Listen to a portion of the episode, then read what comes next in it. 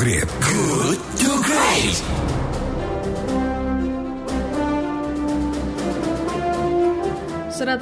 satu Kilat FM Bandung Inspiring Sound. Terima kasih sahabat Kilat Anda masih di Good to Great because good is the enemy of great. Dan pagi hari ini masih bersama dengan saya Aska Said kita akan memperbincangkan obrolan kita di pagi hari ini dan kami mengangkat tema bagaimana mengantisipasi penyebaran COVID-19 pada anak-anak jelang normal baru.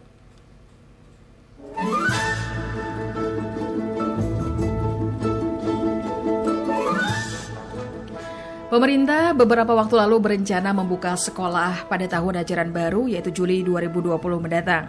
Salah satu pihak yang bersikeras menentang rencana itu adalah Ikatan Dokter Anak Indonesia atau IDAI. IDAI mengajurkan untuk tidak membuka sekolah sampai bulan Desember 2020. Sebab ditemukan kasus COVID-19 pada anak di Indonesia masih cukup tinggi, yakni sebesar 7,5 persen. Menurut data Kemenkes, angka pres persentasi COVID-19 anak di Indonesia mencapai 7,5 persen secara keseluruhan. Itu relatif lebih tinggi kalau dibandingkan dengan negara lain yang sekitar 1 sampai dengan 5 persen. Menurut dokter Dr. Nastiti Kaswandani SPAK, konsultan respirologi anak dari Satgas COVID-19 IDAI, angka yang meninggal juga cukup tinggi dibandingkan negara lain jika dilihat per usia.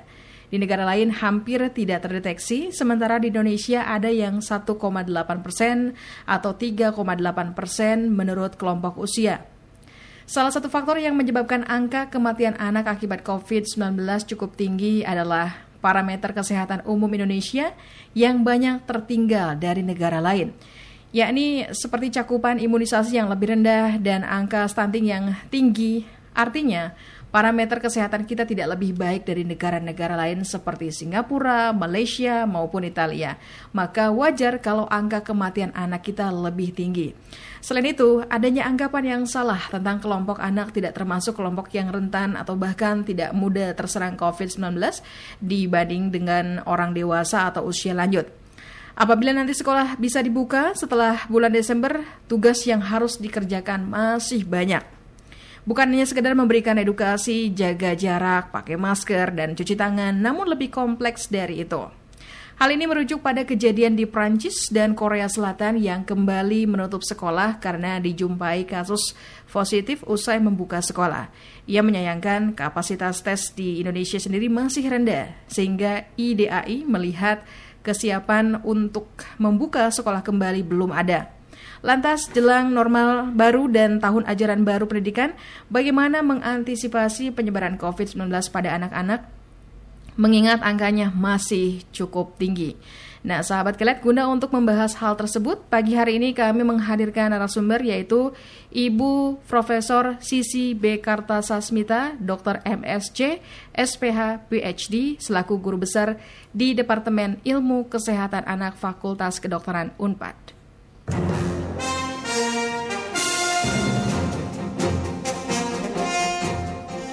Halo, selamat pagi, Prof. Selamat pagi, Mbak sahabat Kailat semua. Selamat pagi. Assalamualaikum warahmatullahi wabarakatuh. Waalaikumsalam warahmatullahi wabarakatuh. Bagaimana ini kabarnya, Prof? Aduh, kabarnya sih baik. Masih stay at home. Mudah-mudahan masih kerja dari rumah, tapi alhamdulillah lancar-lancar ya, alhamdulillah ya. Ya, Prof, uh, sebelumnya terima kasih Anda sudah berkenan kami ajak berbincang nih di pagi hari ini bersama dengan sahabat Kailat, Prof. ya, terima kasih sudah diundang ketemu sahabat Kailat. Ya, Prof, ini beberapa waktu terakhir polemik mengenai akan dibukanya kembali sekolah mengemuka. Salah satu hmm. yang keberatan uh, para dokter uh, di Ikatan Dokter Anak Indonesia atau IDAI, pertimbangannya kasus COVID-19 pada anak di Indonesia masih cukup tinggi. Bagaimana sebenarnya? Benarkah anak-anak juga rentan terjangkit terjangkit di COVID-19, Prof? Bagaimana menurut Anda?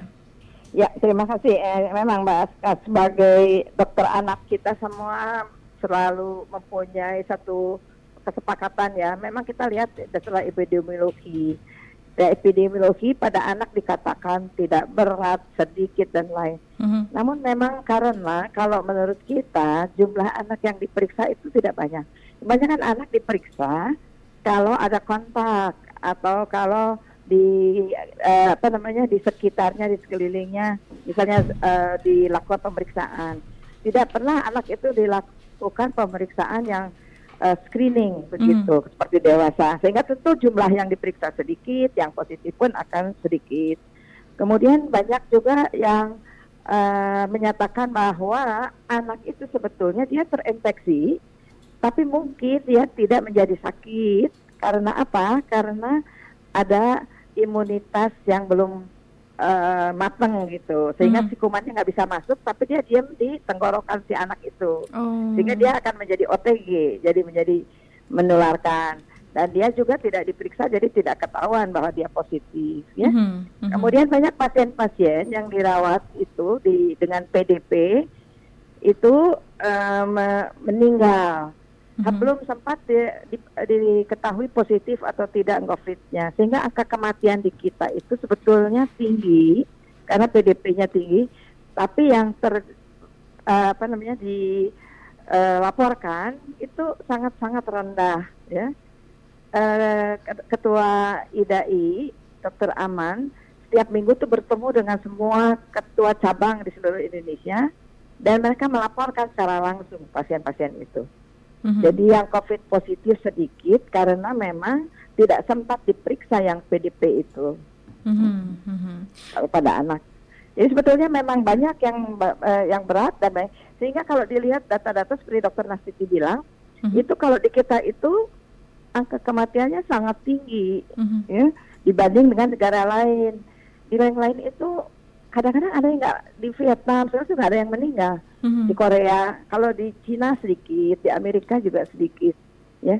Eh, tapi di kita karena ada tadi faktor-faktor stunting, ya, imunisasi nggak lengkap, ya, kemudian penyakit-penyakit infeksi yang lain. Mm-hmm. Ya, Prof, ini sebagai edukasi kepada orang tua, kepada masyarakat luas, ini jelang normal baru. Bagaimana mengantisipasi penyebaran COVID-19 pada anak-anak, Prof? Ya, Uh, jadi memang pada normal baru kan kita akan hidup beradaptasi berdampingan katanya dengan COVID-19. Uh, eh, seperti yang lain sama aja seperti dengan dewasa. Hanya mungkin kita harus bicara ke anak lebih sulit karena mereka harus diberikan pengertian dengan kata-kata yang bisa diterima. Apalagi nanti remaja. Kalau kita lihat data ya di ini yang tinggi itu yang positif itu adalah pada 15 sampai 18 tahun itu paling tinggi tapi memang 7 sampai 18 juga tinggi, eh, memang tinggi dari mulai 7 tahun dan di bawah satu tahun. Jadi itu yang harus kita uh, apa namanya uh, menjadi dasar kenapa kita harus lebih hati-hati sama mereka. Misalnya anak yang kecil, kita harus menerangkan dia harus pakai masker. Pakai masker itu nggak nyaman kan, ya. Mm -hmm. Jadi mereka harus dilatih dari sekarang sebelum mereka mulai sekolah harus pakai masker meski dia di rumah katakan beberapa jam di rumah. Masker pada anak katanya nggak boleh lebih dari 4-5 jam. Mm-hmm. kemudian mereka boleh dibawa keluar tapi jangan dibawa ke tempat ke mall ke restoran tapi ke tempat misalnya ke apa ke taman ke tempat yang tidak berjubel itu boleh. Mereka dibawa mulai ya dia diperkenalkan. Tapi mereka harus pakai masker terus. Harus cuci tangan terus ya. Uh, jadi dia harus cuci tangan sebelum keluar cuci tangan kalau habis pegang apa cuci tangan. Jadi cuci tangan menjadi kebiasaan nanti untuk mereka. Kemudian uh, juga nggak boleh pelukan rangkulan. Anak-anak kan bisa kalau ketemu sama anak laki rangkulan pelukan yeah. ya gitu itu itu semua harus dilatih harus diterangkan kenapa nggak boleh? Jangan boleh dilarang nggak boleh gini nggak boleh. Tapi kamu nanti kalau itu mungkin tangan anak teman kamu kotor, mm-hmm. nah, kamu tangannya nggak boleh pegang mata, nggak boleh pegang muka karena tangan kamu mungkin lebih dijelaskan kotor. mungkin ya. Mm-hmm. Apa kenapanya itu meskipun dia kecil dijelaskan mm-hmm. secara uh, cara mereka lah. Uh-uh. Oke, okay. ya Prof ini kan uh, selain itu juga ada anggapan yang salah yang sudah uh, katakanlah sudah dipahami oleh sebagian masyarakat ya, adanya anggapan yang salah tentang kelompok anak tidak termasuk kelompok yang rentan katanya ya terserang COVID-19 dibandingkan dengan orang dewasa atau usia lanjut. Lantas apa yang mesti dilakukan oleh pemerintah dalam hal ini untuk memberikan edukasi dan pengertian kepada masyarakat agar anggapan itu sebetulnya ini COVID bisa menyerang siapa saja? Ya, Nah ini saya kira bagus sekali dengan media ya. Media itu sangat membantu sebetulnya semua orang dengerin, semua orang melihat. Saya baru tadi pagi mendapat kiriman video yang lama mungkin, di mana Menkes kita menyebut bahwa tidak usah pakai masker yang sakit. Itu kan zaman lalu waktu awal. Jadi kita harus mengikuti update dari apa yang uh, di ada di dunia ini. Sekarang semua orang masih pakai masker masker yang betul, maskernya juga yang yang harus ada apa namanya uh, syaratnya kainnya sama sekarang ya selama ini kan kita memang tidak mengikuti itu. Nah kalau anak kalau dia memakai masker terus di antara sekitar orang dan dia jaga jarak, saya kira sama sama dewasa dia akan kemungkinan tertularnya sedikit. Mm -hmm. Hanya memang anak itu masih mempunyai apa namanya kerentanan yang tinggi terhadap penyakit infeksi. Mm-hmm. Jadi imunisasi di sini sangat penting. Memang imunisasi banyak yang berhenti ya karena COVID ini dokternya tidak praktek, mereka takut ke rumah sakit, puskesmasnya juga uh, kewalahan. Tapi saya kira imunisasi ini nanti sebentar lagi akan di apa namanya diperkuat lagi. Mm-hmm. Jadi sekarang setiap puskesmas harus mulai bahkan posyandu kalau bisa mulai kemudian puskesmas keliling ya. Hmm. Nah, untuk yang pribadi-pribadi, untuk yang tidak ke puskesmas, ke posyandu, silakan memberikan imunisasi di tempat yang aman hmm. yang bisa memberikan layanan imunisasi untuk anak-anak. Itu yang harus dilakukan. Kemudian biasa gizi baik, hmm. eh, PHBS, itu semua harus dilaksanakan. Tapi anak tetap saja tidak nggak rentan, dia tetap rentan. Tapi mungkin kalau sakit nggak ketahuan bahwa itu COVID sakitnya. Hmm, Oke, okay, ya, Prof ini um, kita belum tahu ya sampai kapan ini pandemi akan berakhir. Artinya hmm. harus siap-siap nih bahwa nanti sekolah pun akan menerapkan uh, normal baru. Hal apa yang mesti diperhatikan orang tua dan para guru di sekolah jika nanti menerapkan normal baru uh, dan sekolah kembali dibuka? Ini kalau tidak salah pada Januari 2021, Prof. Ya betul. Katanya kalau tahun ajaran mulai Juli tapi itu Januari. Jadi selama kita menunggu sampai Januari 2021, anak harus tetap diberikan pelajaran. Pelajaran tidak usah pelajaran dari sekolah, pelajaran budi pekerti, gimana caranya menghargai orang lain, gimana caranya untuk uh, memberikan apa namanya perhatian, ya, gimana caranya supaya kita bisa ngantri. Nah itu kan sulit ngantri itu ya hmm. orang dewasa sendiri yang suka apa nyelek ya. yeah. Jadi saya tuh pernah mau mau mau jarak jaga jarak semeter, eh tiba-tiba ada ibu-ibu ceplok di tengah di antara kita berdua. Jadi itu ibunya juga harus belajar Disiplin, supaya ya? anaknya bisa dilatih. Mm-hmm. Enam bulan ini dilatihlah itu cuci tangan yang baik, pakai masker yang baik itu yang baik, kemudian hubungan dengan teman, kemudian bahwa di sekolah itu mungkin tidak seperti dulu lagi. Hmm. Kemudian gimana cara di, mengantar dia ke sekolah? Kalau misalnya pakai kendaraan umum, mungkin mesti eh, pergi lebih cepat hmm. gitu ya. Dan itu yang harus dipersiapkan oleh orang tua untuk anak-anaknya sehingga anak-anaknya itu tidak kaget. Itu akan menyebabkan gangguan mental, depresi hmm. anak itu. Kenapa saya mesti pakai masker? Kenapa saya tidak boleh uh, berpelukan sama teman saya, kenapa duduknya jauh, itu semua harus dilatih. Eh, karena sampai Januari kalau belum selesai kita mm-hmm. tetap sekolah, nah kita harus jaga jarak, masker itu masih selalu harus dilakukan. Terus kemudian untuk orang tua ya, orang tuanya itu juga harus mencoba untuk me, me, memberikan uh, apa namanya pencerahan ke anak-anaknya itu selain itu juga dia harus berhubungan baik dengan gurunya. Hmm. Dia misalnya katakanlah dia itu nanti akan menjemput jemputnya terlambat, anak itu harus menunggu di mana? Tentu dia harus menitipkan ke gurunya, hmm. ya. Kemudian gurunya sendiri, gurunya juga harus um, menyesuaikan karena dengan COVID ini katanya dua per sepertiga atau dua per tiga waktu belajar itu hilang. Mm-hmm. Mungkin nanti ke depan apa mereka giliran karena dalam satu kelas kan nggak mungkin 48 hmm Katanya paling banyak itu tiga kali delapan jadi 24 mm-hmm. ya. Nah, itu gimana mengaturnya sedangkan anak sekolahnya banyak ya. Itu guru dan uh, sekolah harus mempersiapkan. Kemudian guru juga harus menyiapkan dan mulai mengontrol sejak anak datang kan ditentu diperiksa apa suhunya, kemudian dilihat maskernya, apakah maskernya mau diganti di sekolah atau tidak, kemudian dilihat tangannya, cuci tangannya. Jadi itu semua menyiapkan yang uh, non uh, non pembelajaran ya, bukan yang bukan non itu pembelajaran juga, hmm. tapi uh, tidak ada di dalam kurikulum lama. Mungkin kurikulum juga harus disesuaikan kalau memang waktunya disesuaikan. Hmm. Ya, terus itu yang penting waktu istirahat anak harus gimana? Biasanya kan lari-lari, main-main ini. Terus kalau memang ada jajanan sekolah, mungkin jajanan yang di luar pagar udah nggak boleh lagi.